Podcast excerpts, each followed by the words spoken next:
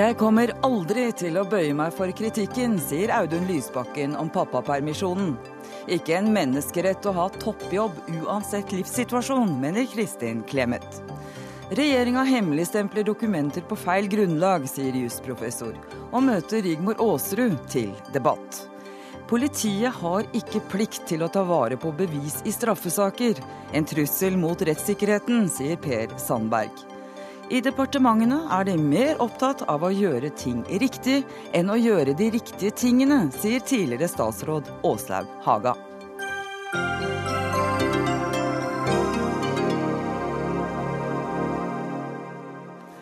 Velkommen til Dagsnytt 18 her i NRK P2 og NRK2. I studio Eva Nordlund. I går var SV-leder Audun Lysbakken tilbake på jobb etter å ha hatt pappapermisjon i ni uker. Samtidig har SV havna under sperregrensa på meningsmålinger. Og Lysbakken har fått pepper fra, fra flere hold, fordi han valgte å ha pappapermisjon mens partiet han leder er i dyp krise. Nå har Lysbakken fått nok av kritikken og vil ta igjen. Og Audun Lysbakken, du skriver altså på bloggen din i dag at du aldri bøyer deg for denne kritikken. Ja, og jeg skriver også at jeg ikke helt så han komme, for jeg trodde vi hadde kommet litt lenger i Norge i 2012. Men når vi ikke hadde det, så tenker jeg at det er en ganske viktig diskusjon å ta. Eh, ikke fordi eh, den handler om meg eller min permisjon. Jeg tror de fleste ser at det er bom eh, å tro at mine ni uker permisjon, som jeg jo også har kombinert med ganske mye jobbing Åh, for SV Det var de som har hatt pappapermisjon, men har jobba likevel? Ja, men jeg har et verv som jeg ikke har permisjon fra, og som jeg har fulgt opp. Jeg tror de fleste ser at det ikke det som gjør at SV sliter på meningsmålingene. Men det ligger noe annet under den debatten som er viktig. Det er bl.a. synet på fedre. For de som sier at jeg kunne latt være å ha pappapermisjon, de sier jo egentlig at en mann kan godt velge bort ungene sine. Og jeg tror ingen hadde sagt det samme til en kvinnelig politiker, fordi eh, det ville vært sett på som en ganske umulig tanke. Og det mener jeg er et tankekors, for jeg jobber for et samfunn der det skal være like selvsagt at du stiller den type krav og har den type forventninger, og gir den type rettigheter til menn. Og så syns jeg også det er et demokratispørsmål. Fordi eh, konsekvensen av den kritikken som enkelte fremmer, det er at kun eh, menn på, med hjemmeværende eh, koner eller folk på 50 pluss eller barnløse kan ha ledende stillinger i politikken. Det vil jo bety at en stor del av befolkningen Mener du det de, alle de som har kritisert deg? Nei, men det er konsekvensen. Hvis du ikke kan være partileder og ha pappaperm, eller være statsråd og ha foreldrepermisjon. Fordi det vil jo bety at en stor del av befolkningen ikke blir representert. Og det er jo fordi folk som vet hvordan det er å være småbarnsfamilie, vet hvordan det er å være i tidsklemmen, har viktige verv, at også vi har fått til viktige reformer som gjør livet lettere for småbarnsfamiliene, som foreldrepermisjon og rett til barnehageplass til alle. Du var den første til å gå ut mot Lysbakkens pappaperm, tror jeg. Arild Rønsen, du er skribent i, i Klassekampen, annet. Hvorfor det? Jo, det har flere årsaker, men, men, først og fremst så tror jeg at Audun tar feil når han, han, tror at folk flest tenker sånn som han gjør. At det måtte være sånn at eh, hvis du ikke kan være, parti, hvis du ikke kan ha, være pappa, ha pappaperm, så kan du ikke være partileder. Så Før jeg gikk hit i dag, så sto jeg ved en benk oppe i borettslaget mitt og snakka med tre relativt voksne damer. Mm omtrent på alder med meg. Og så, og så, sa jeg at jeg skulle snakke med Lysbakken om denne saken. Mm. Så sier, jeg, sier de at ja, du bør ikke si noe mer om det, for vi har fulgt med saken. Mm. Ja, men hva skal jeg si for noe, så? Og så sier hun ene sier, si at han er en dustepetter. Så sier jeg det kan jeg jo ikke si. Så sier jeg nei, sier det, det fins en tid for alt. En tid for... en tid for alt. Og hun mente da, og de satt der tre vanlige damer, og sa det er en tid for alt, og du kan ikke drive og være partileder samtidig som du tar pappaperm. Hvorfor ikke det? Jo, fordi at folk skjønner som, altså, Folk skjønner omtrent følgende. At La oss si at det har vært blowout på, ute i Nordsjøen. ikke sant? Mm. Da kan ikke Helge Lund si at nei, ring til noen andre for at jeg har pappaperm. Hvis Vålerenga ligger på, på nedrykk i starten av august, så kan ikke Martin Andresen si det at nei, jeg har pappaperm. Så no, dere må snakke med Det er kanskje noen mer i tvil. Ja, men, men, snakke med noen andre. Men, men, men sånn kan det ikke være. For, og det fins Det er ikke det at noen Altså, jeg har veldig respekt for alle yrker. Det er ikke det at, at det å være eh, førskolelærer er noe, er noe, mindre viktig, ikke sant? men en annerledes type jobb. Mm. Og SV er det nå sånn SV brenner. Hele skipet er muligens i ferd med å synke, og da kan ikke kapteinen si at nei, nå skal jeg hjem og kjøre barnevogn. Det går ikke. Leder for tenketanken Civita, Kristin Clemet. Du har også gått ut med pappapermkritikk. Kanskje ikke først og fremst mot Lysbakken nå, men kritikk? Ja, jeg har, jeg syns ikke det er noen grunn til å kritisere Audun Lysbakken fordi han tar permisjon som SV-leder. Det mener jeg er et forhold mellom han og hans parti. Han har sagt at han vil ta permisjon. Partiet har sagt at det er OK. Det er ikke ditt og, parti? Tror du det skader partiet? Nei, og, altså, det, nei, men det er mer et sånn synsespørsmål. Jeg syns mm. han er i sin fulle rett. Og jeg tror også at han ville møtt større kritikk, hvis jeg skal være ærlig, hvis han ikke hadde tatt permisjon. Så høyt som han har vært på banen når det gjelder pappapermisjon. Mm. Det jeg syns er mye mer problematisk, og jeg syns jeg har rett til å ha en mening som borger, det er når statsråder tar lange permisjoner. Mm. Og det er eh, Det mener jeg er problematisk fordi det er helt spesielle om ombud. Meget viktige posisjoner hvor man ikke kan eh, erstattes fullt ut eh, når man er fraværende. Og det skyldes ikke at jeg har et spesielt syn på fedre. Dette mener jeg både når det gjelder kvinner og menn. Men det skyldes mer synet mitt på dette ombudet, som jeg mener er så viktig at man ikke kan forvente at man skal kunne ha dette ombudet uansett livssituasjon. Og Det betyr ikke etter min oppfatning at man ekskluderer en stor gruppe mennesker. Det vi snakker om er jo bare at det er litt vanskelig å være statsråd akkurat når du har en nyfødt baby. Mm. Men de fleste som er statsråder, er det ganske få år i livet. Og de fleste som får barn, har nyfødte barn ganske få år i livet. Så det går utmerket godt an å, å kombinere det i for seg å være småbarnsforeldre med å være statsråd, men jeg syns ikke det er bra eh, å kombinere statsrådsgjerninger med lange fravær. Det er da i slekt med Rønsen sitt 'Det er en tid for alt'. Statsråder, vær så god, Lysbakken. Det er jo sånn at uh, når uh, Arild Rønsen har, har, kritisert meg, så, så, gjør han det på en måte som får det til å høres ut som om foreldrepermisjon er en sånn fritidsaktivitet. der man liksom triller litt rundt fordi det er gøy, og gøyere enn å være på jobben. Men vi har jo foreldrepermisjonsordning i Norge fordi folk får barn. Barn må passes. Og jeg har jo lurt noen ganger på om Arild Rønsen egentlig liksom har tilbudt seg å komme hjem og være au pair hos familien min. Det har jeg foreløpig ikke registrert. Og da ligger det jo Ja, den tar jeg på strak Det har vært morsomt. Det masse, masse morsomme artikler ut av det, tror jeg. Ja, det er det. Ja, så lenge du ikke gjør barna mine til Vålerenga-tilhengere, så kan vi diskutere det. Men, men, nei, men, men, men det, dette er jo uh, alvor. Vi har foreldrepermisjonsordningene fordi vi ønsker at folk skal kunne kombinere det jo, men, og være i arbeid med det å ha barn. Bordet nå. Altså, nå sier både Arild Rønsen og Kristin Clemet at det er en tid for alt. Det er ikke sånn at en nødvendigvis skal måtte ha anledning til å være både partileder eller statsråd i den fasen hvor en har små barn. Og Det er jeg dypt uenig i. For det man da sier, det er at en ganske stor del av vår befolkning som ikke kan ha ledende politiske verv. Akkurat det betyr, det betyr, jo, men det betyr at en småbarnsforelder ikke kan være eh, partileder eh, eller eh, være statsråd. Det er jeg veldig uenig i, for det vil bety at en stor del av befolkningen ikke blir representert. Jeg tror det er utrolig viktig i et demokrati at alles erfaringer slipper til. Så syns jeg også det er litt rart syn på ledelse. Fordi stadig flere i næringslivet, stadig flere i politikken ser at hvis du skal ha gode ledere, så må du også legge til rette for at du kan rekruttere blant de som også ønsker å ha familie. Jeg er ikke sikker på at du vil få de beste lederne eller de beste politikerne hvis du bare skal kunne velge blant de som er villige til å velge bort familien. For det første så mener jeg det at når du, eh, som du snakka om, at hadde det vært en kvinne, så hadde du ment noe annet. Nei, jeg hadde ikke ment noe annet. Det er selvfølgelig, altså Kvinner kan ikke være statsråd akkurat, når de, akkurat i det øyeblikket. Men, ja, du kan spørre meg, men, men, men, eh, men jeg, jeg, vil spørre deg om en, en ting først. Altså, er det, Hvis dette hadde skjedd neste år, hvis du skulle hatt pappapermisjon, og dere fortsatt hadde ligget på 3% på gallupen, og du skulle hatt pappapermisjon i juli og august neste år, halvannen måned før valget, hadde du også da sagt det? At jeg har sagt fra at jeg skal ha pappaperm? Men det får ikke Lysbakken lov å svare på før jeg, bare si at jeg må presisere at jeg har ikke snakket om deg som partileder, jeg snakker om det å være statsråd. og jeg mener at det er helt, du, Vi snakker i beste fall forbi hverandre hvis du sier at ikke statsråder kan være småbarnsforeldre. Det kan de være. Det vi snakker om nå, er om statsråder skal ha mange måneders permisjon, uansett hva årsaken er. Og og det mener jeg er eh, uheldig. Og jeg mener at eh, grunnen til det er at en statsråd kan ikke erstattes fullt ut. En statssekretær kan ikke tre inn i rollen til en statsråd. Vi har noe som heter settestatsråder, men de kan bare ivareta rent formelle ting. Så det betyr at vi står overfor førerløse departementer. Og husk på det at departementer det er store organisasjoner som skal ledes, hvor man skal gjennomføre politikk. Det har vi fått vite det siste året er ganske viktig. Mm. Og hvor man skulle være, være, virkelig være i beredskap når det skjer noe alvorlig og det skjer noe viktig. Og, det, og, det, å si at eh, man skal kunne gjøre dette samtidig Audun Lysbakken, du er far, jeg er mor. Jeg er sikker på at vi foretar mange valg hvor vi sier nei til å gjøre ting utenfor hjemmet fordi vi må prioritere barna våre, og motsatt. Vi sier av og til nei til barna fordi vi faktisk prioriterer jobb og, og verv. Så dette er jo bare en gradsforskjell, og jeg mener at grensen går der. At vi bør ikke ha et system hvor statsråder har langvarige permisjoner, uansett om de er kvinner eller menn, og uansett hva årsaken er. Lysbakken, du skriver på bloggen din i dag at altså du viser til at eh, SV lå like lavt på meningsmålingene for et år siden.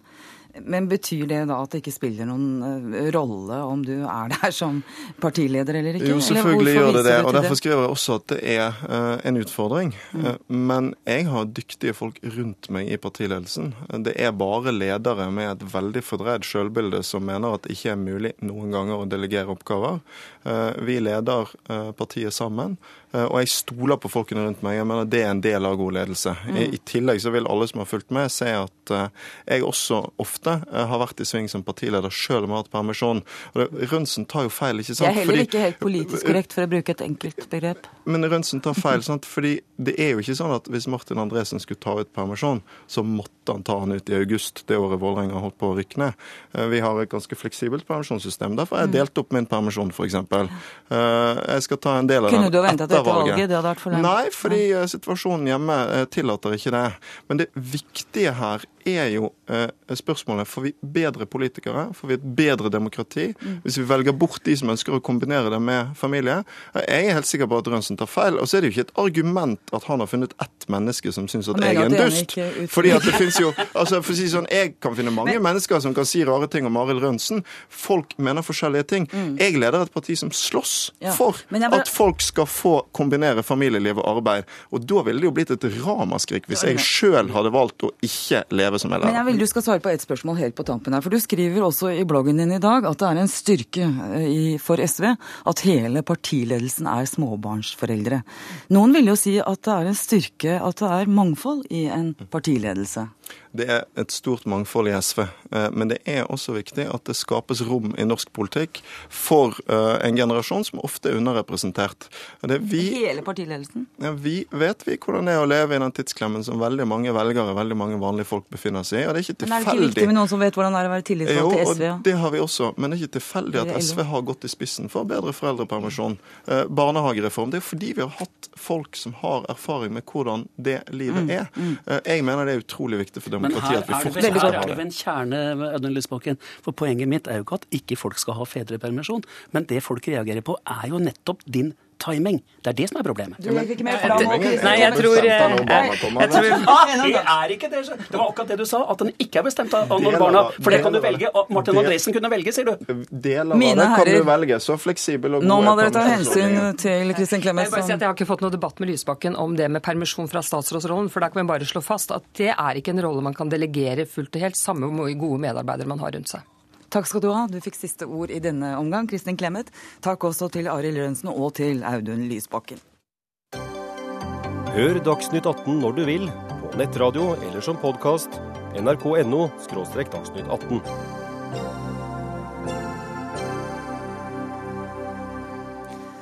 Flere ofre og pårørende etter drapssaker har valgt å flytte fra hjemstedet sitt fordi gjerningsmannen flytter tilbake til det samme nabolaget.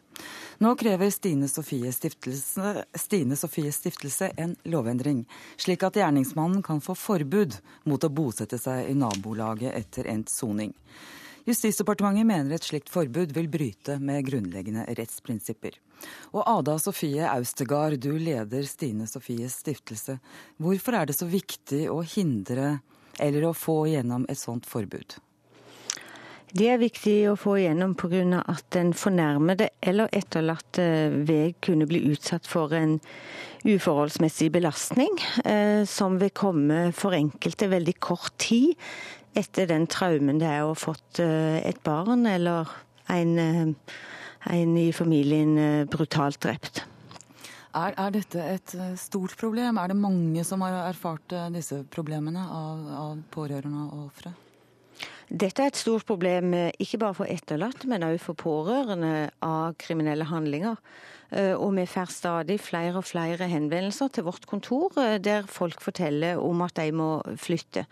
Det er veldig vanskelig for fornærmede, spesielt i saker der barn er blitt utsatt for grove seksuelle handlinger f.eks., at, at de går ut i media og forteller sin historie.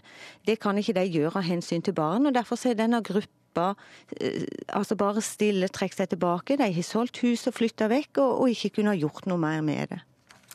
Ja, Statssekretær i Justisdepartementet Pål Lønseth, på hvilken måte ville et sånt forbud, som jo åpenbart gjør det enklere for ofre, pårørende, etterlatte, eh, stride mot eh, det norske rettssystemet?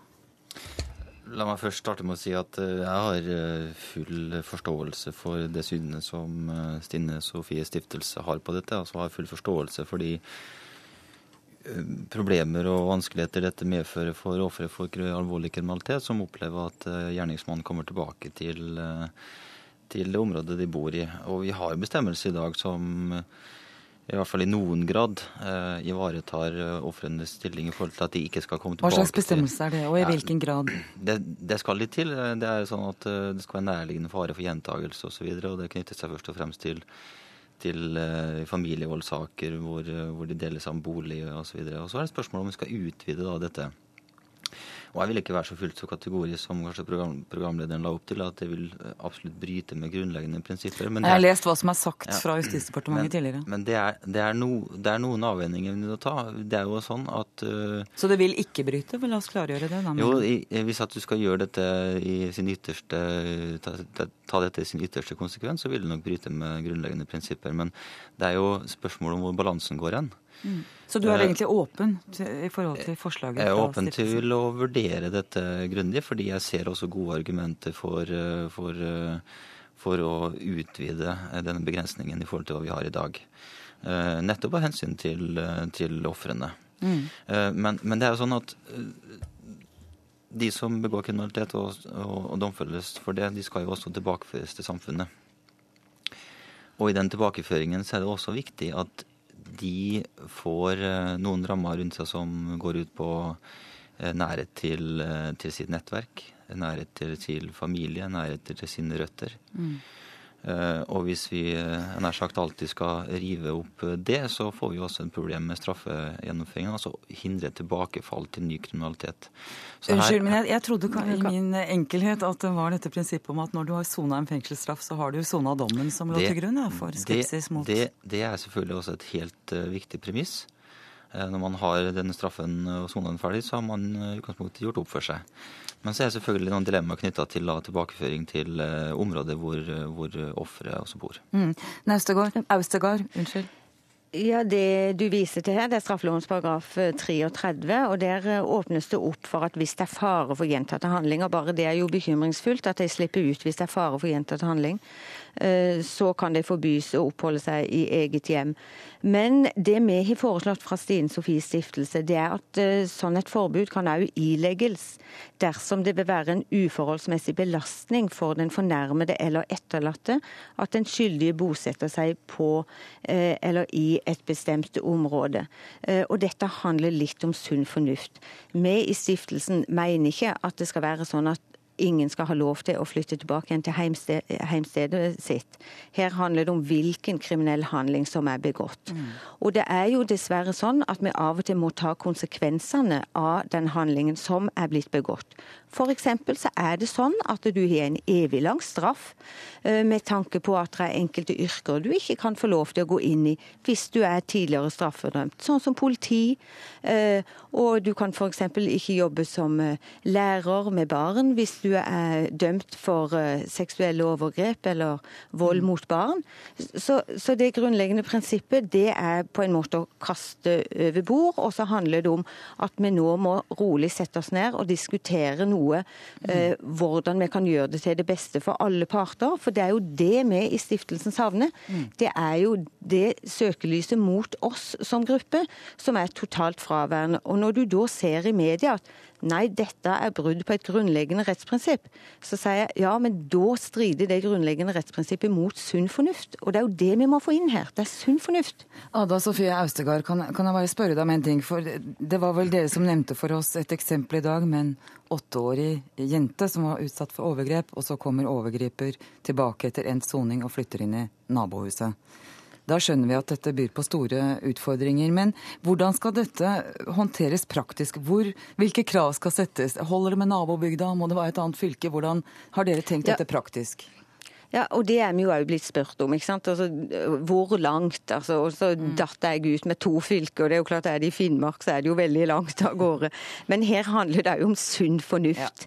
Ja. Eh, og her handler det om at kriminalomsorgen, ikke minst, må ha en dialog med den fornærmede. Eh, for det, det er det jo totalt mangel på. Kriminalomsorgen har jo overhodet ingen dialog med fornærmede eller etterlatte i sånne saker. Og det må vi jo få innført.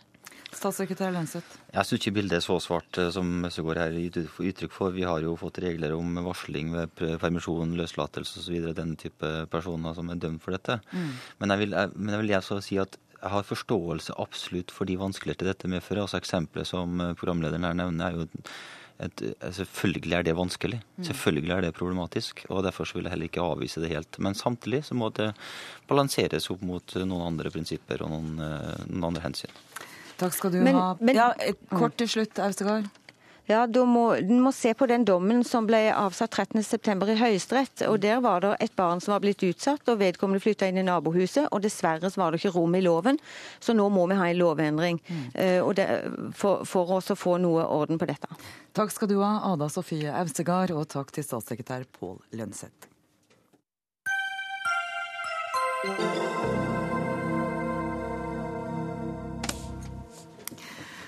Det er kanskje ikke så mange som går rundt og lurer på hvordan de skal bli eh, en diktator. Jeg håper da ikke det.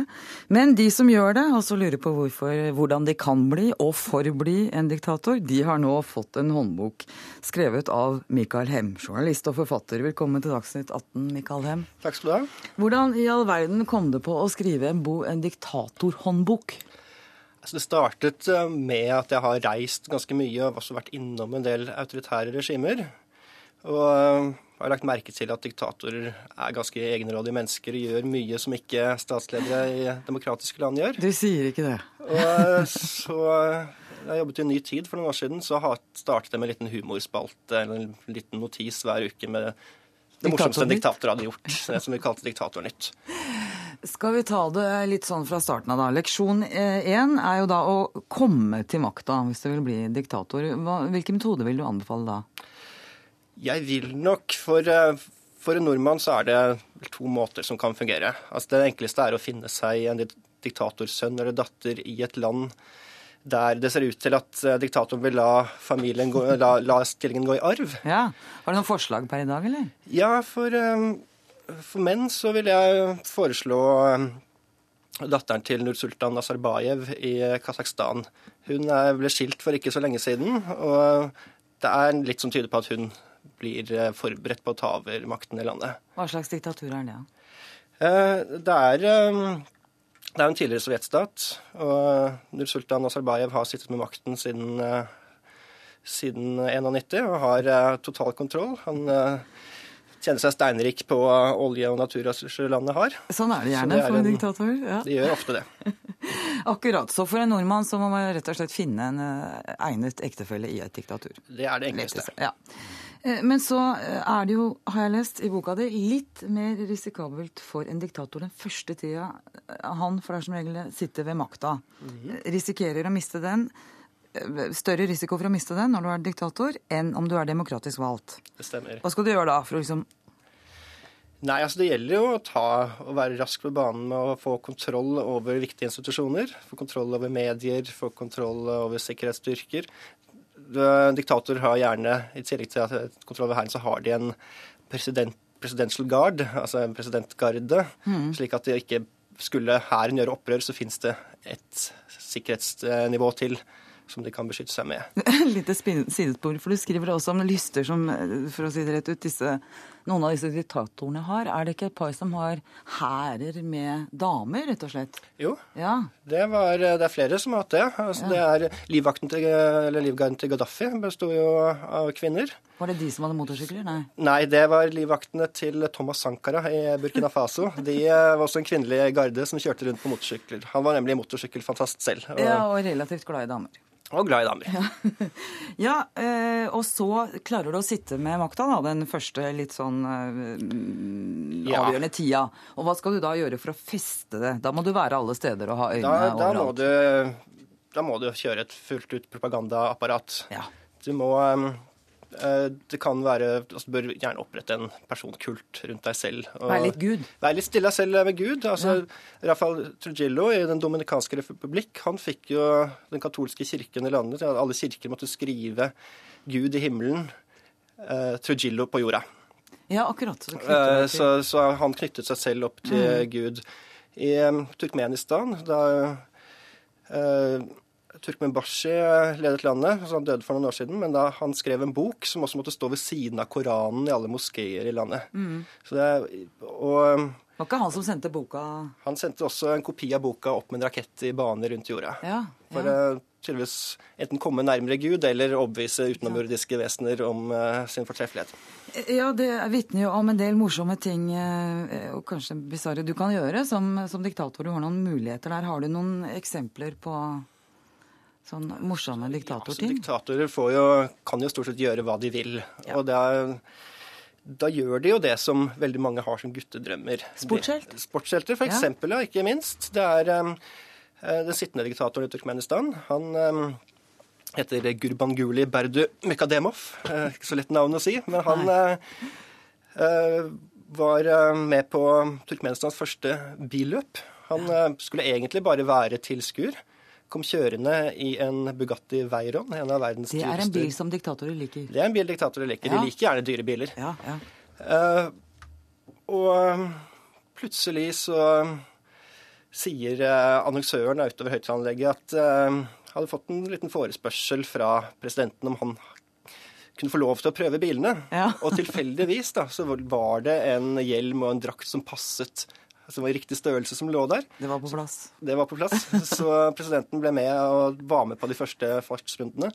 Og selvfølgelig vant en overlegen seier. Ja, det er klart. Det, måtte er- han eh, gjøre. Så det er, de er ofte veldig flinke i idrett. Ja, ikke sant? Ja. Det var så langt vi kom i håndboka i dag, Mikael Hem. Men her kan en også lære hvordan en skal unngå å bli kasta som diktator en hel del andre ting. Og alt med helt konkret utgangspunkt i virkeligheten. Det stemmer. Takk for at du kom til Dagsetaten. 18. Takk selv.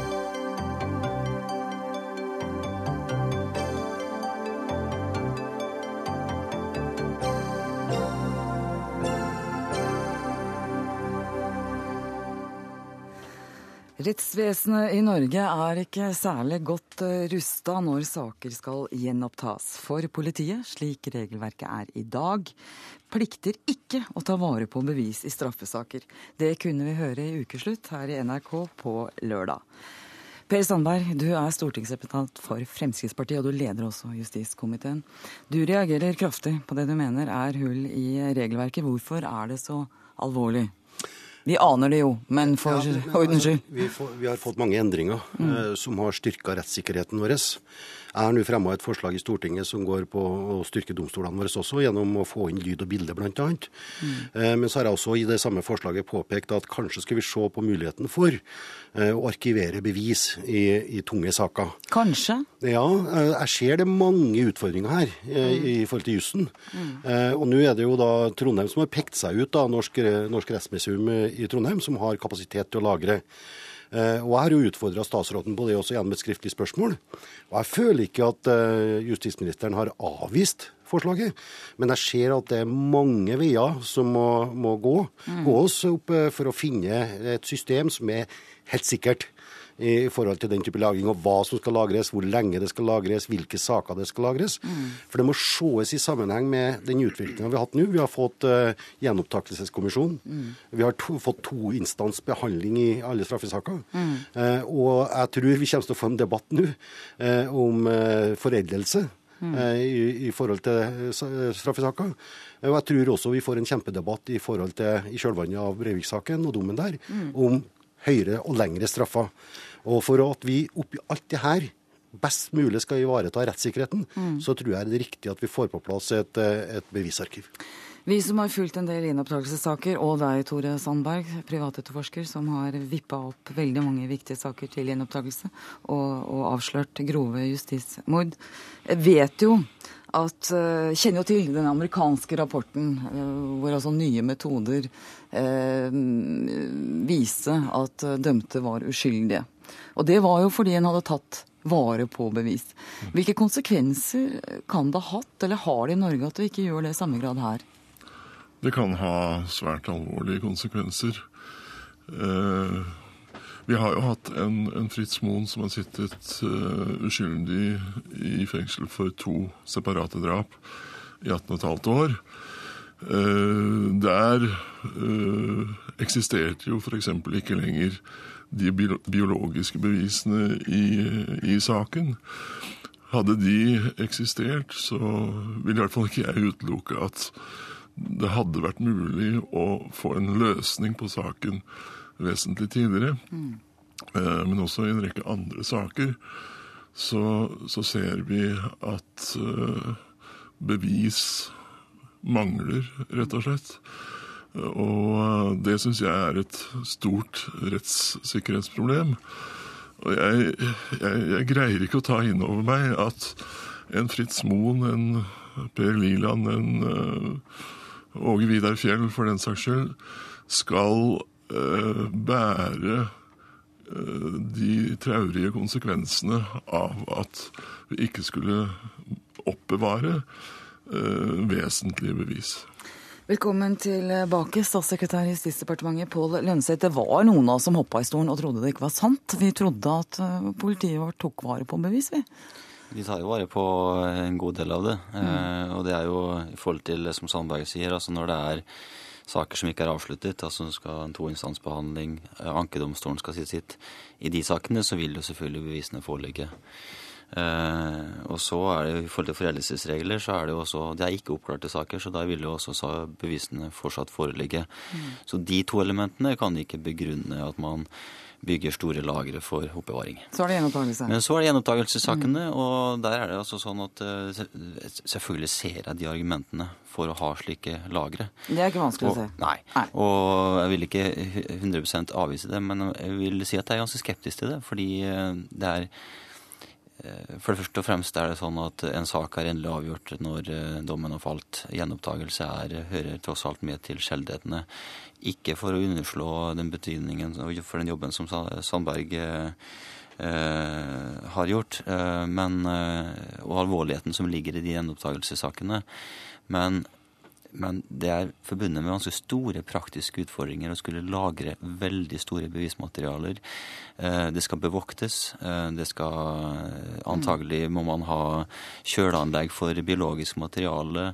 Det er ikke det vi er først og fremst ønsker å bruke ressursene på nå, politiressursene på nå. Er det derfor du er litt nølende, Sandberg? For jeg syns du hørtes litt nølende ut fordi at det vil koste så mye penger å sikre den rettssikkerheten som ligger i å ta vare på alle bevis. det koster ressurser også, men det er klart at vi må så det i sammenheng med at eh, jeg tror helt sikkert at vi kan hente inn mange ressurser også på å omorganisere oss litt. Eh, Derfor så har jeg så samla det i et forslag som går på en eh, strukturendring innenfor domstolene våre. Mm. Men da må vi ha på plass noe utstyr, sånn at vi greier oss å organisere og styre disse domstolene på en mer effektiv måte, altså lyd og bilde i domstolene våre. Men, men, men det som sies her i forhold til gjenopptakelse, jeg tror jo ikke at vi får noe mindre eh, gjenopptakelsessaker i, i, i framtida. Eh, fordi at teknologien går rasende fort også. Eh, og det er klart at eh, nye metoder å jobbe på, ny, eh, ny teknologi, nye verktøy, vil også komme i framtida. Vi er ikke ferdig med det. Én ting er DNA og biologiske spor. Men, men man går også i retning av tinglige eh, bevis. Tinglige, da- kan du ikke bare Ja, saker, ting, biler, hus, eh, våpen. Ja. Eh, Det vil nok ta masse plass. Eh, Men jeg vil jo gjerne da at regjeringa kanskje kan se på kostnadene til det, gi oss et overblikk på det. Eh, Og sånn som jeg har forstått på svaret fra Faremo ifra meg, mm. så ønska hun å ta en sånn runde med direktoratet for å se på de forskjellige Ja, konsekvensene. ja for, å, for du stilte et spørsmål om nettopp Ja. dette her, og fikk som svar at det skulle utredes og ses på nærmere? Ja, hun ville gjerne utfordre direktoratet på det. Ja. Eh, Tore Sandberg. Ja, så jeg har jo nye henvendelser praktisk talt hver eneste dag fortsatt. Eh, 20 år etter, ja, 21 år etter at Liland-saken kom inn i mitt liv i 1991. Og altså hvis en bitte liten prosent av det jeg får av henvendelser, eh, er hel ved Og jeg har, ingen, jeg, har, jeg har ingen mulighet for, å, for å, å si noe fornuftig om hvor mye som, eh, som holder mål. For det er rett og slett ikke mulig å forholde seg til, til så mye. Men eh, det skal bare en beskjeden liten prosent til for at vi står overfor et betydelig antall personer som har fått uriktige dommer. Og livet ødelagt. Ja, og, og altså, når jeg alene har fått gjenopptatt saker hvor det foreligger altså domfellelser på flere og 50 år til sammen, pluss mellom 30 og 40 års sikring på toppen av det, så, så er det jo helt åpenbart at jeg, jeg er bare borti en liten flik av uh, hele komplekset her. Og uh, jeg må si at, at i det hele tatt dette med, med sikringen av informasjon i straffesaker, og det, det går faktisk ikke bare på, på å lage arkiver. Men eh, det går på å sikre at alle aktører får tilgang til alle sakens eh, fakta. Eh, Vi har jo f.eks. Altså, ting som rett og slett er borte. I, i, i Orderud-sammenheng f.eks. Så, har- så har vi en rapport om at det er funnet en Ruger-pistol på Fornebu. Det er én rapport. Fins ikke flere opplysninger om den i, i saken. Rugeren er borte. Ja. Ja, Ja, og det er viktig. Og, samtidig så er det sånn at selv om at vi har gjentakelse og dom er falt, og alt mulig sånt, så, så får jeg en rekke henvendelser der at det er vanskelig å få gjenopptakelse. Eh, og da tenker jeg som så at de, Mm. Ja. Hvis man har lagring av bevis i dag, så kan det komme metoder og teknologi som kan utnytte dette beviset på en annen måte i framtida. Mm. Og derigjennom da være sterkere i forhold til å få gjenopptakelse. Det tror jeg også vi skal ta inn over oss i forhold til dette. Og når jeg sier at det kommer flere denne type saker, så tror jeg at det er viktig at vi får en lagring på det. for at å få avklart disse sakene en gang for alle, gjennom å utnytte disse bevisene kanskje på en annen måte. Mm. Ja, altså Jeg er helt enig selvfølgelig at en trygg bevissikring er selvfølgelig veldig sentralt. Det tror jeg vi alle kan være enige om. Men her må vi på en måte skille mellom det at politiet håndterer sine beslag på en skikkelig måte, som de selvfølgelig skal gjøre. Der har det vært utfordringer. Det må vi jo ta utgangspunkt i. Ja, der har det vært utfordringer, og, Ja. men politiet har blitt bedre. Men eh, der er det sikkert alltid et forbedringspotensial. Mm. Men man skiller det fra en diskusjon om at man skal bygge forholdsvis store, kompliserte lager med, med, med med skikkelige da? sikkerhetsrutiner. Eh, og så bruke ressursene på det når vi tross alt har en, eh, en endelig eh, avgjørelse. Det høres ut som du ikke syns det bør Nei, gjøres. altså det er, altså, i, I en verden hvor vi kunne ha brukt alle mulige ressurser, eh, så kunne det sikkert vært fint. Men jeg må si at det er ikke det som jeg tror vi skal prioritere akkurat nå. Jo, men endelig En, en, en, en endelig avgjørelse altså, du, du, du betrakter en rettskraftig dom som en endelig avgjørelse. Det eh, gjør altså jeg ikke etter nå noen tiårs eh, erfaringer på dette området. Så eh, er det jo helt opplagt at det fins ikke noe system som er ufeilbarlig. Men, Men og, tenk på- tenk på- og, og derfor så har vi altså gjenopptakelseskommisjonen. Ja, og, og så er det viktig å si at, viktig, altså for at jeg, jeg, jeg vet jo ikke hvorvidt at det er så komplisert som Lønseth prøver å gi uttrykk for. Jeg tror ikke Lønseth vet heller, og derfor må vi finne ut av det. Hvorvidt at det er så komplisert at det koster så mye. Nå fikk du siste ordet, Per Sandberg, leder i justiskomiteen for Fremskrittspartiet. Takk skal du ha. Takk til eh, Tore Sandberg, som er privatetterforsker, og takk til statssekretær i Justisdepartementet, Pål Lønseth.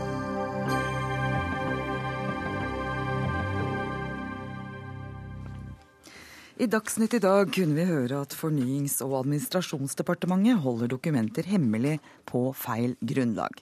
Da NRK fikk innsyn i en rekke brev som tidligere var unntatt offentlighet, viste seg at departementets ansatte ikke kjenner reglene godt nok. Og jusprofessor ved Universitetet i Bergen, Jan Fridtjof Bernt, du har sett på disse dokumentene for NRK. Hva, det, hva handler det om? Hva er det som er hemmeligstempla feil? Nei, altså Det handler vel først og fremst om det at de som sitter og treffer beslutninger om dette, egentlig ikke mestrer regelverket, og derfor heller ikke foretar de vurderingene av offentlighetsspørsmålet som de etter loven skal gjøre. Eh, men hva slags, hva slags dokumenter er det? Nei, Det er jo dokumenter som er enten henvendelser fra Riksrevisjonen til ulike forvaltningsetater med spørsmål om, for, om forhold som Riksrevisjonen ønsker å se nærmere på, mm. eventuelt da disse forvaltningsetatenes svar til Riksrevisjonen på disse forespørslene. Fornyings- og administrasjonsminister Rigmor Aasrud, ansvaret for åpenhet ligger bokstavelig talt i ditt eh, departement. Er overivrig hemmeligstempling en glipp, eller er det en ukultur? Ja, I de tilfellene her sånn, så er det en glipp, for vi har brukt en feil hjemmel. altså Vi har brukt riksrevisorlovens eh, paragraf om, eh, om unntatt offentlighet istedenfor offentlighetslovens regler om unntatt utsatt offentlighet. og Det er en feil som har skjedd hos oss. Og det skal selvsagt ikke skje, men det er jo sånn at når man spurte om å få innsyn i disse dokumentene, så ble de øyeblikkelig gitt innsyn i. Men det er helt klart at det skjedde en feil med, med påføringa til hjemmel på de tre dokumentene knytta til Riksrevisjonens arbeid. Er det pinlig at det er akkurat i ditt departement som har ansvar ja, for åpenheten? Ja, altså vi skulle gjerne vært de sakene foruten, men, men jeg tror det er viktig at man ikke dømmer forvaltninga akkurat på tre sånne enkeltsaker, sjøl om det selvsagt ikke burde være sånn, så er jeg opptatt av at eh, vi skal følge de reglene som er, og at vi skal ha en åpen forvaltning. Det er et av hovedprinsippene som selvsagt vi òg er opptatt av. Eh, Bernt, er det, syns du det er alvorlige brudd, dette her? Nei, altså Hvorvidt det her er gjort brudd når det gjelder innsynsretten, det vet jeg ikke. For jeg ikke, kjenner ikke saksforholdene godt nok ut fra dokumentene. Men eh, altså bare for en liten korreksjon til eh, statsråden, så er det altså tale om å bruke en regel om utsatt offentlighet som finnes spesielt i riksrevisjonsloven. Som da gir en større adgang til utsatt offentlighet enn det man ellers har etter lovverket. Og eh, denne bruken av stempler på denne måten som skjer her i departementet, mm. den er i seg selv grovt forkastelig. fordi det er et alminnelig prinsipp i offentliglover, som også gjelder her, at eh, man aldri skal foreta en forhåndsklassifisering av slike dokumenter. Det skal man vurdere når man får en konkret forespørsel. Så allerede av den grunn så har disse saksbehandlerne ikke fulgt loven. Ja, Hvordan kan det skje, at det hemmeligstemples uten at det har kommet forespørsel til og med? Det har nok noe med at man bruker offentlig e- elektronisk postjournal, og man tenker at man skal være i forkant, sånn at man ikke gjør feil, sånn at ikke opplysninger kommer ut som, skulle, som ikke skulle komme ut på det tidspunktet uh, før uh, For dette er jo dokument... Det er bedre å stemple litt for mye ja, hemmelig? Det, og det bør ikke skje. Uh, for dette her er jo dokumenter som blir offentlige når Riksrevisjonen legger fram sine dokumenter, så det mm. skal være unntatt offentlighet en viss periode. Og de elektroniske systemene våre, hvis du bruker riktig lovhjemmel, sørger for at det skjer også når man man bruker feil lovhjemmel her, sånn, så får man ikke den automatikken når man må begynne med, med håndarbeid og, og, løse hvert enkelt sak når det kommer innsynsforespørsler. Sender du folka dine på kurs nå, eller hva gjør du? Ja, Det er viktig at vi Selvsagt så skal jeg ta en runde for å sørge for at ja. Eh, vi bruker regelverket riktig. Ja, assisterende generalsekretær i Norsk redaktørforening, Arne Jensen. Du representerer jo en av vaktbikkjene på offentlighetsloven, og at det skal være åpenhet i norsk offentlighet. Hva syns du om dette her? da? Jeg syns den saken illustrerer minst fire, uh, fire, ting. Det ene er at kompetansen i, uh, i forvaltningen åpenbart uh, må bli bedre. Og Der er ikke Aasruds departement alene, og kanskje heller ikke det dårligste. Eh, så viser det, som Bernt for så vidt var inne på, at man må slutte med forhåndsklassifisering av dokumenter. Fordi det fører til flere unntak enn nødvendig, og det fører til feil unntak. Det må det nesten gjøre når man skal vurdere så mange dokumenter fortløpende uten at noen har bedt om innsyn i det. Mm. Men så er det to forhold til. Og Det ene er forståelsen av offentlighetslovens intensjon. Fordi Hvis man ser på de dokumentene, i hvert fall de jeg har fått se, fått se, og de NRK har fått ut, så klarer jeg ikke å finne noen fornuftig grunn til at de skulle hemmeligholdes, selv om man måtte ha en eh, kunne hoste opp en formell hjemmel for det. Altså Meroffentlighetsvurderingen virker jo å ha på en måte vært fraværende. Og så har jeg lyst til å si én ting til. og det er at Hvis den sittende kontroll- og konstitusjonskomiteen på Stortinget skal gjøre en innsats for offentlighet og innsyn i Norge, så bør de gjøre om på det vedtaket de gjorde i 2004, hvor de innførte denne regelen om utsatt offentlighet for dokumenter til og fra Riksrevisjonen. Det ble gjort i hui og hast og i all stillhet og med en svært dårlig begrunnelse. Eh, og der har de en mulighet Ja, til å hva var den begrunnelsen for oss som ikke husker det? Begrunnelsen var det at det kunne være ubehagelig for forvaltningen med, press, med negative presseoppslag som man ikke alltid fikk korrigert i ettertid, når det viste seg at det kanskje ikke var så alvorlig som Riksrevisjonen trodde. Det er en argumentasjon man kan bruke om innsyn i ethvert offentlig dokument omtrent. Ja, Rigmor Aasrud, hva syns du om den argumentasjonen? Ja, Det der er en bestemmelse som kontroll- og konstitusjonskomiteen så vidt jeg forstår, har tatt initiativ til, og det må for så vidt være opp til dem. Det et- hva syns du om den? Jo, men du, Riks- er jo, du er jo sjef for åpenheten Jo, i men, men eh, Riksrevisjon, jeg syns en skal ha litt respekt for at Riksrevisjonen er Stortingets kontrollorgan, og de reglene de ønsker å ha for sitt arbeid, syns jeg er riktig. Men jeg har lyst på å si en ting, og det er at når jeg er ute Jeg var i USA i forrige uke, og jeg fortalte om offentlig elektronisk postjournal i USA, så, så spør jo folk hva er det dere gjør. For det er ganske unikt at vi har en offentlig elektronisk postjournal der veldig mange kan få innsyn. Og siden den ble lansert i 2010, så er det altså 4,8 millioner dokumenter som er lagt inn der. Og fra 2010 og til 2011 så ble et antall innsynsbegjæringer tredobla. I fjor så var det altså 156 000 innsynskrav på, på, på dokumenter som er eh, åpne. Altså det er tilgang på dokumentene. Så ønsker jeg meg at vi skal komme enda lenger med å digitalisere disse løsningene, sånn at man ikke trenger å be om å få hvert enkelt dokument. Sånn at man kan hente det ut automatisk. Da kommer vi til å ha et, en utfordring knytta til det som Jensen tar opp med forhåndsklassifisering. For hvis alle skal kunne hente ut dokumenter automatisk, så må vi også kunne tenke personvern og, og, og sladding av dokumenter. Men det får vi jo komme tilbake til. Men det er målet mitt på, på lang sikt. Ja, Det må, vi, det må Mm. vi snakke litt eh, mer om. Altså for Ja. du, det du sier her, at målet ditt er at det skal ligge der åpent og skal kunne hente ut. Og så er Ja. noen sider ved det som en heller får ordne. Bernt først, og så Ja. Jensen. Nei, altså For det første bør jeg bare peke på det at det er jo stor forskjell på å ha elektronisk eh, postjournal. Det, det skal man jo, det, kan man, det har man jo plikt til å ha. Men, det, eh, men og en annen ting er da å, når folk da med utgangspunkt i den journalen ber om å få se dokumenter. Og det er først når man får en slik forespørsel at det skal vurderes. Og, eh, og det er åpenbart at den prosessen finner ikke sted. Nei. Og det skal også vurderes mer ofte. Men så en ting til som er litt viktig, og det er hvordan man organiserer dette arbeidet. Jeg har selv vært i en posisjon hvor jeg har organisert eh, innsynsretten ved Universitetet i Bergen. Og vi fant veldig fort ut det at det å la de som er journalførere, eh, som journalførere eller de som er saksbehandlere behandle dette, var lite betryggende. Så vi innførte den enkle regel som sa det at hvis det kom forespørsel om innsyn i et dokument, og man mente det burde unntas, så sendte man saken over til en spesialist på offentlighetslovgivningen som vurderte dette konkret ut fra forespørselens karakter og tidspunkt og dokumentets innhold. Men sånn er det altså ikke i ditt departement, da. Vi har totrinnsbehandling på våre innsynssaker nå. Ja, det var noen som ikke Eh, har gjort det de skulle. Ja, det har skjedd en feil. Ja, Eh, feil. Man Ja, er greit. påførte Ja. en feil i Det lovhjemmel. Arne Jensen. Men det er helt riktig som Aasrud sier at offentlig elektronisk postjournal er et fantastisk prosjekt. Og det er et veldig viktig arbeidsredskap for norske øh, journalister. Eh, Så det er ikke det. Men underliggende under det igjen, så er det, noen, så er det fortsatt noen kulturer som vi merker som sitter i forvaltningen. Og de, de får man antageligvis aldri helt fjernet. Og de går på at man litt for ofte ser, begynner med å se etter en hjemmel for å, å, å kunne unnta noe, i stedet for å stille seg det litt mer sånn eh, Bondevett-spørsmålet. Er det noen rimelig fornuftig grunn til det? Bortsett fra at det kanskje er litt ubehagelig for oss som, som, som jobber her. Eh, og Det kan man psykologisk forstå, men, men prinsippet i offentlighetsloven og meroffentlighetsprinsippet er jo slik at man skal etterstrebe mest mulig offentlighet, selv om det medfører visse ubehageligheter for, for de som jobber med sakene og, og, og, og sitter på det. Bare en viktig faktiske juridiske opplysninger. Det er ikke slik at det er en automatikk i at alle dokumenter til og fra Riksrevisjonen skal unntas. Forutsetningen for at det skal skje, er at Riksrevisjonen har varslet forvaltningsorganet om at den vurderer å legge saken frem for Stortinget. Mm. Så hvis ikke, man hvis ikke det foreligger en slikt varsel, så har man heller ikke rett til å unnta dokumentene på grunnlag av denne regelen. Hvordan har det vært det, det du har sett på nå, da? Det materialet du har sett på? Har det vært et sånt varsel? Ikke i de brevene jeg har sett. Det er ikke noe spor av noe slikt varsel.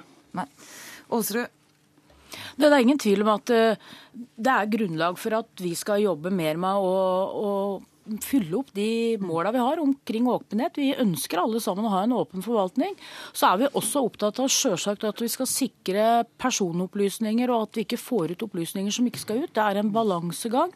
og Derfor så er det viktig at vi har regler for hvordan vi takler innsynsforespørsler. Men som jeg sa, jeg mener at på sikt så må vi klare å automatisere mye flere av de dokumentbehandlingene, sånn at eh, vi får gjort det mer effektivt. For det er ikke noe tvil om at 156 000 innsynsforespørsler krever også saksbehandlingskapasitet. Vi skal senere i dag diskutere byråkrati. Absolutt. Og da, hvis vi klarer å få vekk en del av det, og det kan gå automatisk, så vil det være bra for pressen. Men dette det er handlinger, dette er ting som blir gjort. Arne Jensen, vær så god. Men ut- utfordringen er jo, det viser statistikken over, eh, over innsynsbegjæringer som avslås, eh, viser jo at de paragrafene som brukes hyppigst, det er jo ikke de paragrafene som handler om noens personlige og private forhold og, og den type ting.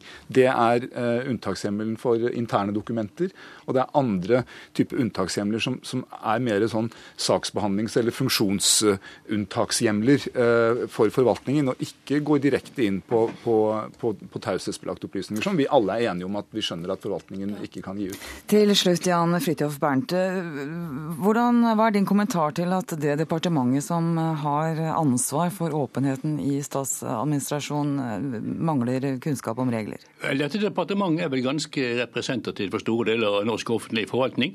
Man tar ikke offentlighetsspørsmålene alvorlig, sørger ikke for å ha betryggende rutiner for å kvalitetssikre dette, og unntar en masse dokumenter for sikkerhets skyld. Ja, jeg er ikke enig i det. Jeg mener vi tar det på alvor. Men vi har gjort en feil, og vi skal selvsagt gå gjennom våre rutiner som gjør at vi forhåpentligvis gjør mindre feil i tida framover. Takk til deg så langt. Du blir sittende litt til, Rigmor Aasrud. Takk til Arne Jensen fra Redaktørforeninga. Takk til jusprofessor ved Universitetet i Bergen, Jan Fridtjof Bernt.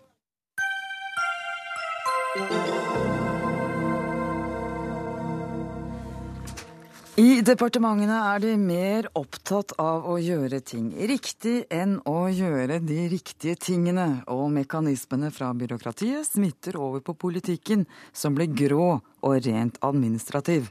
Det skrev tidligere statsråd og tidligere leder i Senterpartiet, Åslaug Haga, i en kronikk i VG før helga. Åslaug Haga, du er nå generalsekretær i Norsk Luftambulanse. På hvilken måte, for å begynne der, er politikken blitt grå og administrativ? Hva mener du med det? La meg først si at denne diskusjonen blei starta av en avdelingsdirektør i. Kulturdepartementet. Og jeg mener han traff spikeren så innmari på huet Mm. eh, i en kronikk som han skrev om byråkrati. Og det han forklarte der, det var hvordan byråkratiet eser ut. Jeg skal bare ta det når vi har referert han. Det var altså eh, avdelingsdirektør i Kulturdepartementet, Eivind Tesaker. Og han eh, kunne ikke være med her eh, i dag. Men han skrev altså denne kronikken du viser til. Vær så god. Ja, og han forklarte hvordan byråkratiet eser ut. Han forklarte om de seks-sju beslutningsnivåene som vi ofte har i departementene, som Rigmor Aasrud veit veldig godt om. Eh, Han beskriver hvordan kravene bare øker til planlegging, til dokumentasjon, til rapportering.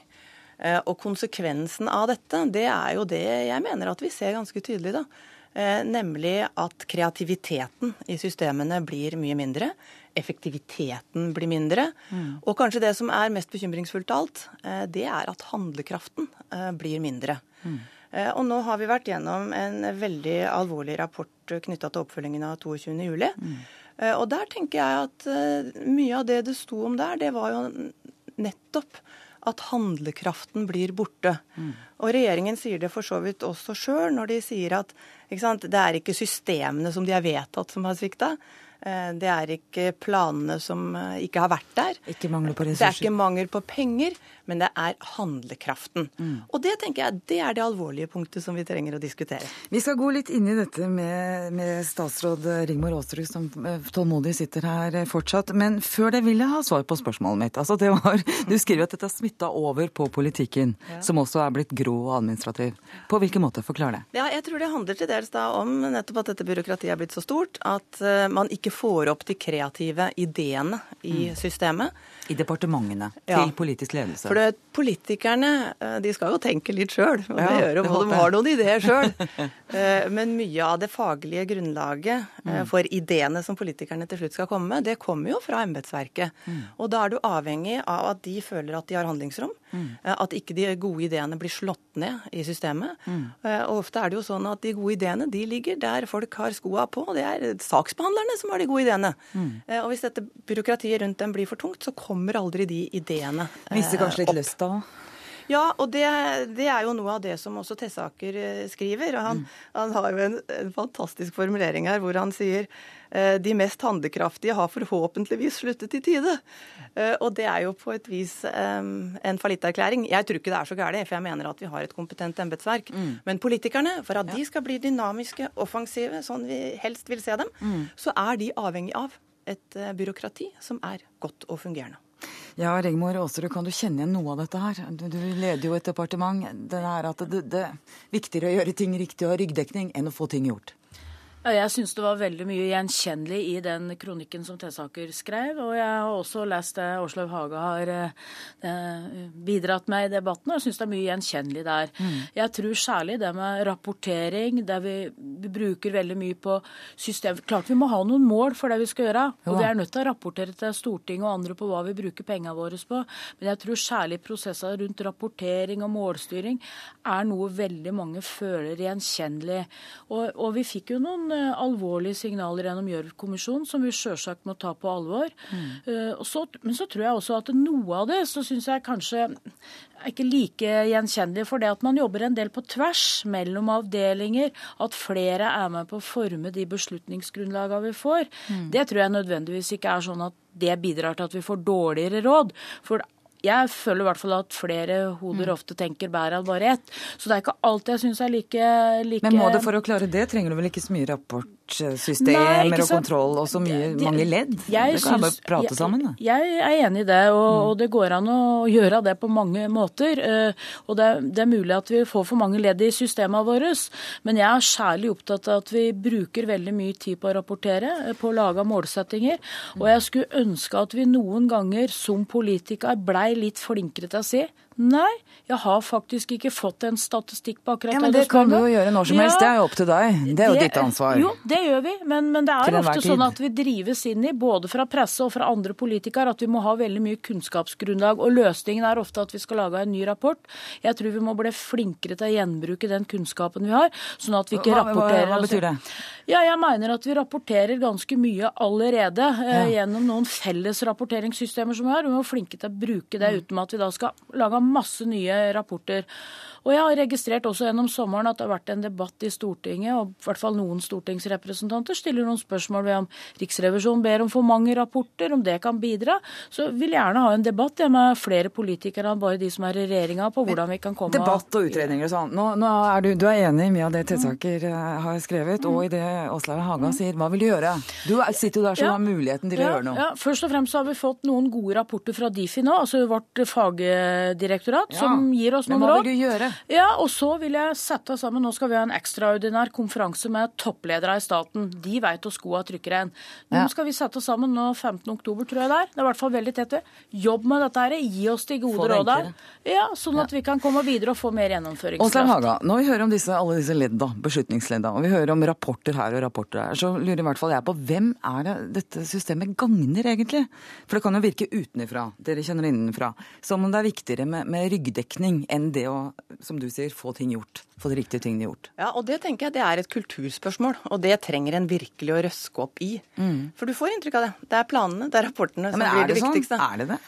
Ja, Noen ganger så får du det inntrykket at eh, Og jeg tror det er en grunn til at eh, politikken blir så død. Eh, Det er Mm. på et vis at kravene til ryggdekning blir så enorme, og, og folk tør ikke å ta sjansen lenger. Ja. Men så er det jo noen steder politikerne kan hente inspirasjon. Ja. Uh, og- Norsk urformannskap. Ja, det Ja. også. Uh, Men, men jeg mener det veldig alvorlig at Mm. eh, det er mye godt uh, å hente av ideer og kreativitet Mm. i det frivillige Norge. Og jeg kan ta bare et bitte lite eksempel fra Norsk Luftambulanse. Altså, vi har jobba med å utvikle et system for trening av politi, ambulansefolk og brannfolk. Det har vi holdt på med i årevis. Eh, Gjørv-kommisjonen har sagt dette må nå myndighetene se og gjøre. Og jeg bare sier til Rigmor Aasrud og helse- og justisminister, det er altså bare å komme til oss og få systemene.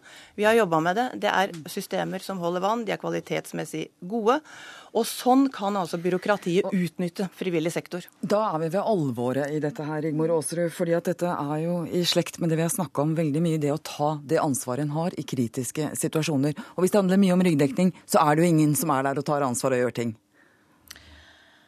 Jo, det er det jo. Det er jo toppledere som må, må gjøre det. Eh, og det ansvaret har vi som toppledere.